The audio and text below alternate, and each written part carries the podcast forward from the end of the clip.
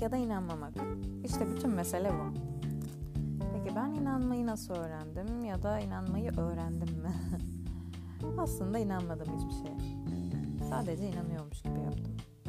Bir şeylerin daha iyi gidebileceğine dair inançlarım yoktu da diyemem.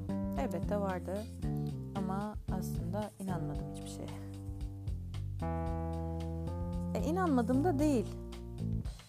Bazen de inandım. İnanmayı düşündüm. Düşünmeyi düşündüm.